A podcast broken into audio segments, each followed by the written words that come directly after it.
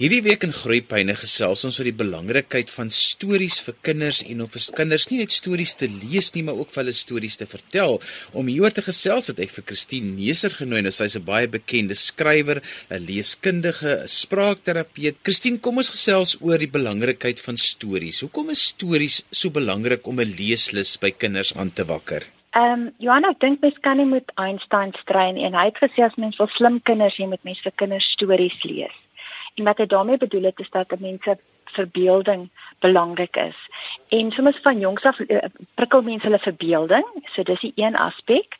En die ander ding is mense leer hulle stories en lees en letters, alles gaan hand aan hand en daar's niks om voor bang te wees nie. So jy maak hulle sommer lees gereed vir eendag. Kom ons praat 'n bietjie oor stories en kinders en hoe mense storie vir kinders moet voorlees want baie mense dink dit is baie gekompliseerd of baie mense doen dit maar hulle dink nie twee keer na daaroor en dan baie keer mis hulle ook 'n 'n geletterdheidsontwikkelingsgeleentheid maar mense wil dit ja. so informeel as moontlik doen so gee so 'n klompie wenke daar's nie 'n reël wat sê jy mag net eers slaaptyd vir 'n kind storie lees en jy kan dit elders in die dag doen, maar ek hou van die uh, slaaptyd storie omdat dit die kind gereed maak om te gaan slaap. Dis deel van 'n 'n 'n tipe van 'n rotine en is deel van 'n ritueel en is 'n innige tydjie waar die ma en die kinders of die pa en die kinders bietjie bymekaar kan wees. So dit moet net so lekker as moontlik wees. Ek hou ook daarvan as die kamer nie helder verlig is nie, maar bietjie skemerig is dat dit al die illusie van slaaptyd skep. En dan vat mens die boek wat die kind wil lees. Ehm um, as hulle heel baba klein is, dan sal die ouer natuurlik die boekies, maar daarna gaan die kind die die boekies, want jy wil hê hulle moet die die, die hele gesprek lei, die storie lei. En dan vat jy dit op die kind se vlak. Meeste ouers skakel onmiddellik op hulle ou hulle kind se vlak in. En jy begin bladsy vir bladsy die storie vertel. En dis reg as hulle elke aan dieselfde boek wil hê. En soms gaan jy 'n ander boek voorstel, maar dis ook reg om aand vir aand dieselfde storie te vertel.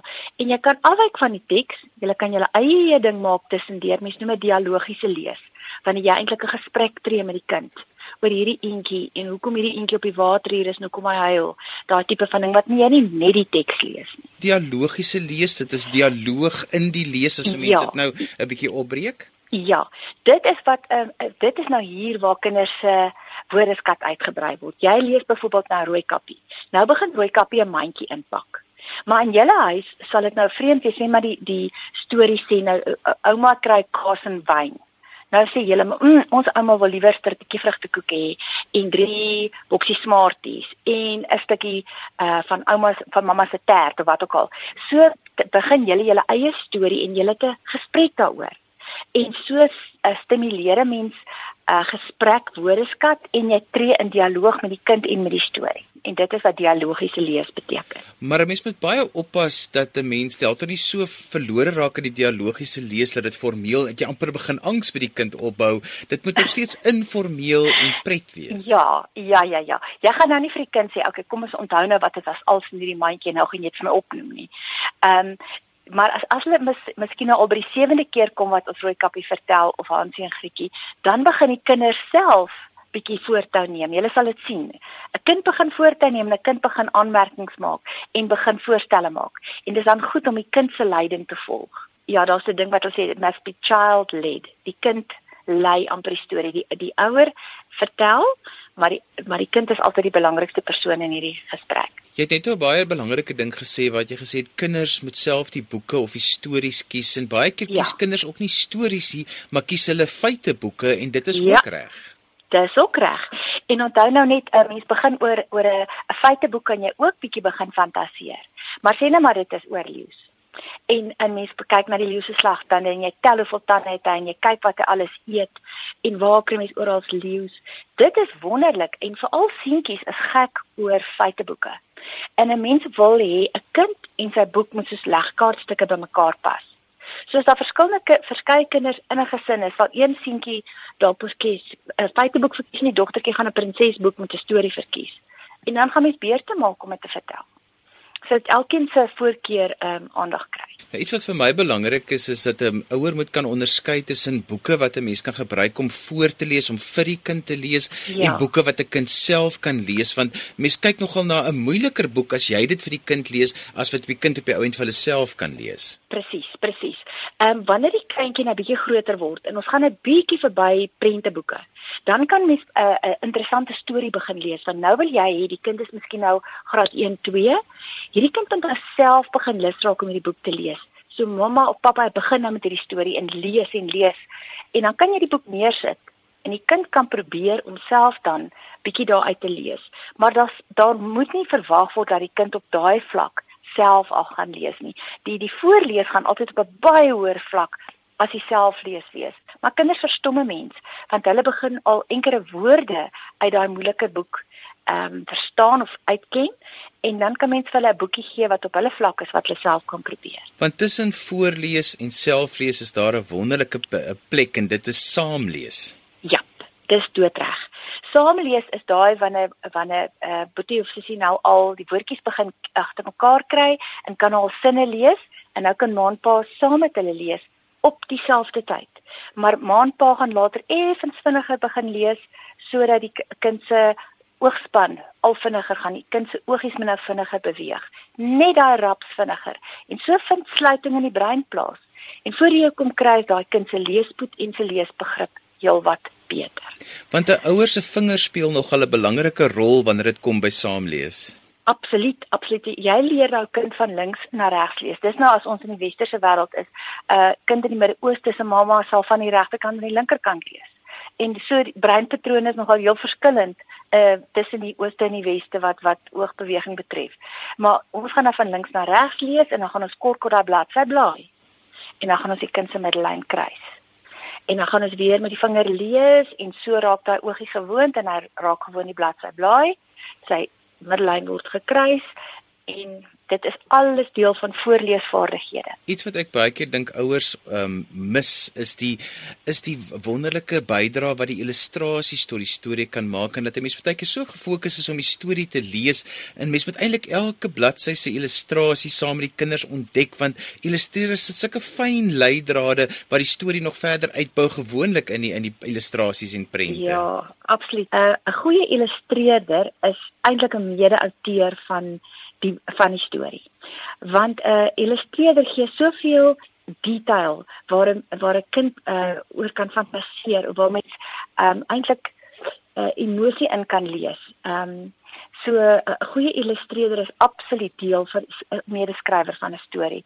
En daar is ook boeke wat net uit illustrasies bestaan wat waar die ouers die vryheid het om 'n storie saam met die kind te te vertel. En die ander ding wat ook so belangrik is is dat 'n mens baie keer vir kinders boeke wat net prenteboeke is moet wys want dat hulle hulle ja. weet jy nie 'n kind kan saam julle eie storie rondom die prente opmaak alhoewel daar so gewoonlik daarom 'n 'n storie iewers wegkruip tussen die prente is dit nogal belangrik om stories sonder teks met kinders te doen. Dit is baie belangrik en ehm um, so belangrik soos wat dit is dat jy jou eie taal kan gebruik, jou eie storie kan ontwikkel, dat jy daai deel van die brein kan ontwikkel. Net so belangrik is dit weer om soms 'n storie te lees wat geen prent het nie. Want dan moet die visuele area van die brein dan self geaktiveer word. Dan maak die kind weer sy eie prentjies in sy kop. So beide is belangrik in die hele voorlees tradisies van kinders. Jy vertel altyd 'n baie interessante ding van kinders se breine wat ontwikkel wanneer hulle luister en wanneer hulle ja. byvoorbeeld na na tegnologie en sulke dinge kyk. Ja. Vertel gou vir ons dit. Kan ek dit vertel? Dit is uh die uh, pediater professor Ratten van Universiteit van Cincinnati wat hierdie toetse gedoen het. Breinskandeerders op twee groepe kinders gesit. Die een luister na 'n storie wat voorgeles word. Die ander groep luister is na 'n storie en kyk dit op 'n skerm. En dan word die twee stelle EEG's vergelyk En dan sien hulle die kinders wat op die skerm gekyk het, se breinaktiwiteit bly die hele tyd dieselfde.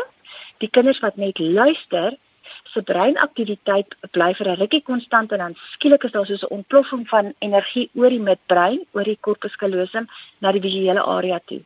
So daar vind so 'n breingimnastiek skielik plaas en dit is wanneer die kind self die prentjie vir hom sy kop maak. So om vir 'n kind voor te lees, aktiveer die brein om om regtig breingimnastiek te doen. En as jy self kan lees en dan kan jy maar vir jou kind stories vertel want dit het net soveel waarde. Net soveel waarde ja. Christina, as mens nou begin praat oor die voordele daarvan om vir kinders stories te lees. Ja, so net so voor die handelspreek het ons gesê dat dit kinders se breine ontwikkel, maar dit is een van die beste maniere om kinders gereed te kry vir lees. Dis alles deel van voorleesvaardighede. Om die bladsy te blaai vir midline kruising. Maar daar's nog dinge en da, dit is goed soos rym en ritme en veral die voorspelling van ritme. En dis alles deel van voorleesvaardighede. En dis ook ek moet dit so goed is om om rympies vir kinders voor te lees en veral ook prettige rympies. Want die oomblik as die brein iets geniet, as die kind lag, dan assosieer hy lees met lekkerte. En ons wil so graag dit bly behou vir die pad vorentoe as hy skool toe gaan. Laat die angs van lees verminder kan word. So dit is nog iets en dan die ehm uh, 'n uh, uh, uh, ander uh, ding oor uh, lees is voorlees is dat 'n mens al begin analise en sintese doen met 'n kind. Soos daar kom die groot grys en dan gaan die kind wolf. Jy begin al met met klanke speel, klanke, 'n woorde uitmekaar uithaal. Alles speel speel begin mens met jou voorleesvaardighede. Mense kla sodat kinders nie met begrip kan lees nie en ek sê baie van hierdie probleme kan 'n mens herlei dat hulle voorskool nie genoeg blootstelling gehad het om net na stories en na voorleesgeleenthede te luister waar ouers en oumas en oupas en versorgers eenvoudig net vir hulle op hulle skoot getel het, 'n boek gevat het en met hulle gedeel en gelees het nie dit is absoluut die waarheid. Dit is absoluut die waarheid. Daar is nou ook uh, studies gedoen by in by die London University en by um die Universiteit van Emory in Atlanta waar hulle groepe kinders gevat het wat aan die voorgeles het op voorskoolse vlak, groepe kinders aan die nie voorgeles het uh, op skool voor hulle skool toe is nie en dan het hierdie kinders vir 9 jaar gevolg. En die kinders wat die voorgeles het, het op alle gebiede die ander uitpresteer, veral wat le lees aanbetref. So voorlees vestig 'n liefde vir lees en neem die vrees weg en gee hulle woordeskat en laat hulle luister. Dis al hierdie vaardighede wat jy nodig het. Jy kan nie in graad 4 skielik uit die bloute begin om selfstandig te lees nie. Dit is ongelukkig nie so dit werk nie. Christine, tot op watter ouderdom bly 'n mens nog vir kinders voorlees? Weet jy ek dink groot mense self hou daarvan om voor voor voorgeles te word. Ek dink dis een van die wonderlikste goed om vir 'n kind te bly doen. Solank as die kind vir jou sê, "Pa, maar kom jy kom ons lees ons storie, doen dit." Want 'n mens kan vir kinders wonderlik voorlees op om om 10, 11 jaar vlak wanneer die kind nog nie self Shakespeare kan lees nie of wat nie self 'n literêre werk kan lees nie, kan jy al pragtige gedigte vir 'n kind lees. En dit is net daai moeite wat ouers doen om tyd in te ruim vir 'n kind wat klaar soveel waarde het, veral emosionele waarde. So ek ek het nou met 'n ouer gesels by die woordfees wat sê haar graad 'n derde jaar universiteitsdogter lees vir haar tienerboeke voor. Hulle het so eers het ma vir kind voorgeles en nou die kind oorgeneem. Die kind lees nou vir ma. So dit is 'n voorlees is 'n wonderlike ding wat lewenslank kan voor aanbly, aanhou voort te staan. Ek wil 'n bietjie verder praat oor voorlees as net boeke want ehm um, daar's soveel verskeidenheid van media. Baie keer dan sê weet wel pa en kind 'n bietjie meer tyd spandeer, dan prop ma 'n storieboek in hulle hand, maar baie keer kan 'n mens net in 'n belangstellingsveld saam met jou kind lees as jy hulle altyd lief is vir visvang of altyd lief is vir sekere sporte, kan 'n mens 'n verskeidenheid van bronne gebruik om te lees. Absoluut. Ek ek sou as ek die pa sal ek sommer my tablet of my tab my, my koerant vat en die aand langs die kind gaan lê vir alles te sien is 'n bietjie die rugby uitslae lees met mekaar en gepraat daaroor en vra wat fout met ons span. Uh dit sal natuurlik die kind so rustig laat slaap nie. So mense eers weet dan 'n lekker ding moet doen sodat die kind lekker kan slaap. Maar ja, dit is so vir al seuns hou van feitelike goed en goed wat uh, waarin hulle belangstel dis moeilik om 'n kind lief te maak vir lees as jy vir hom buite sy belangstellingsveld uh, goed aan hom opdwing. Iets anders wat ook vir my belangrik is waar ouers 'n groot rol kan speel en dit kom baie keer by voorlees is dat 'n mens mos tekste verskillend lees. Jy gaan mos nou nie 'n resep op dieselfde manier lees as wat jy 'n storieboek lees of wat jy 'n blokkiesraaisel lees of wat jy 'n berig in die koerant lees nie. Laat 'n mens amper vir kinders moet terwyl ek hierdie goed lees sê hoe lees ek nou hierdie verskillende tekste jy is heeltemal reg. Feitelike boeke, feitelike stories, feitelike tekste gaan jy nou lekker so, net soos 'n nuus uh nuusleser lees. Maar maar wanneer dit 'n sprokie is of 'n ding wat daar fantasie karakters is, dan moet jy stemme maak. Dan gaan jy verskillende stemme praat, stadiger en vinniger met infleksie. En dit is ook wat vir die kind dit lekker maak om na te luister en wat hom onbewuslik sê, hierdie is nie waar nie. Dit hoef my nie bang te maak nie. Dit is net 'n storie. Maar dit is ook vir hulle heerlik om te weet hulle ma of hulle pa kan soos 'n akteur, kan soos 'n radiostorie klink. Ja, dit is mense begin hulle dan al voorberei om self eendag met met gevoel te lees. Nou die ander belangrike ding is vir my ook is dat daar mense vir kinders moet blootstel in 'n verskeidenheid van stories. Ja, ons sê hulle kan maar die herhaling, dis goed vir hulle en ons weet dit dit ontwikkel woordeskat, maar dit is ook tog belangrik om jou kind te vat en en ook aan ander goeters bloot te stel van stories wat hulle dalk nie self so gekies het nie, maar hulle ken dit net nog nie. Ek dink jy is heeltemal reg en ek dink die by die besoek aan die biblioteek of aan 'n boekie te gaan koop is belangrik want dan gaan jy vir die kind sê hoorie so kom ons probeer 'n bietjie hierdie hierdie storieetjie. Hierdie gaan oor 'n dogtertjie in Switserland of hierdie gaan oor 'n seentjie in Zululand. Kom ons probeer hierdie ene. Dan leer ons vir dan lees ons 'n storie van 'n ander kultuur. 'n uh, ons 'n dogtertjie kan weer 'n bietjie 'n seentjie storie lees, 'n seentjie 'n dogtertjie storie. Uh oor 'n ander belangstellingsveld, maar jy moet hulle laat inkoop dat hulle amper deelnemend is aan die besluit watter boek ons gaan lees. Dan Christine, die laaste ding waaroor ek gesels is dat ouers baie keer vir jou sê, maar die kind sal nie slaap as ek by die huis kom of hulle het net nie die tyd nie, hulle werk lang ure.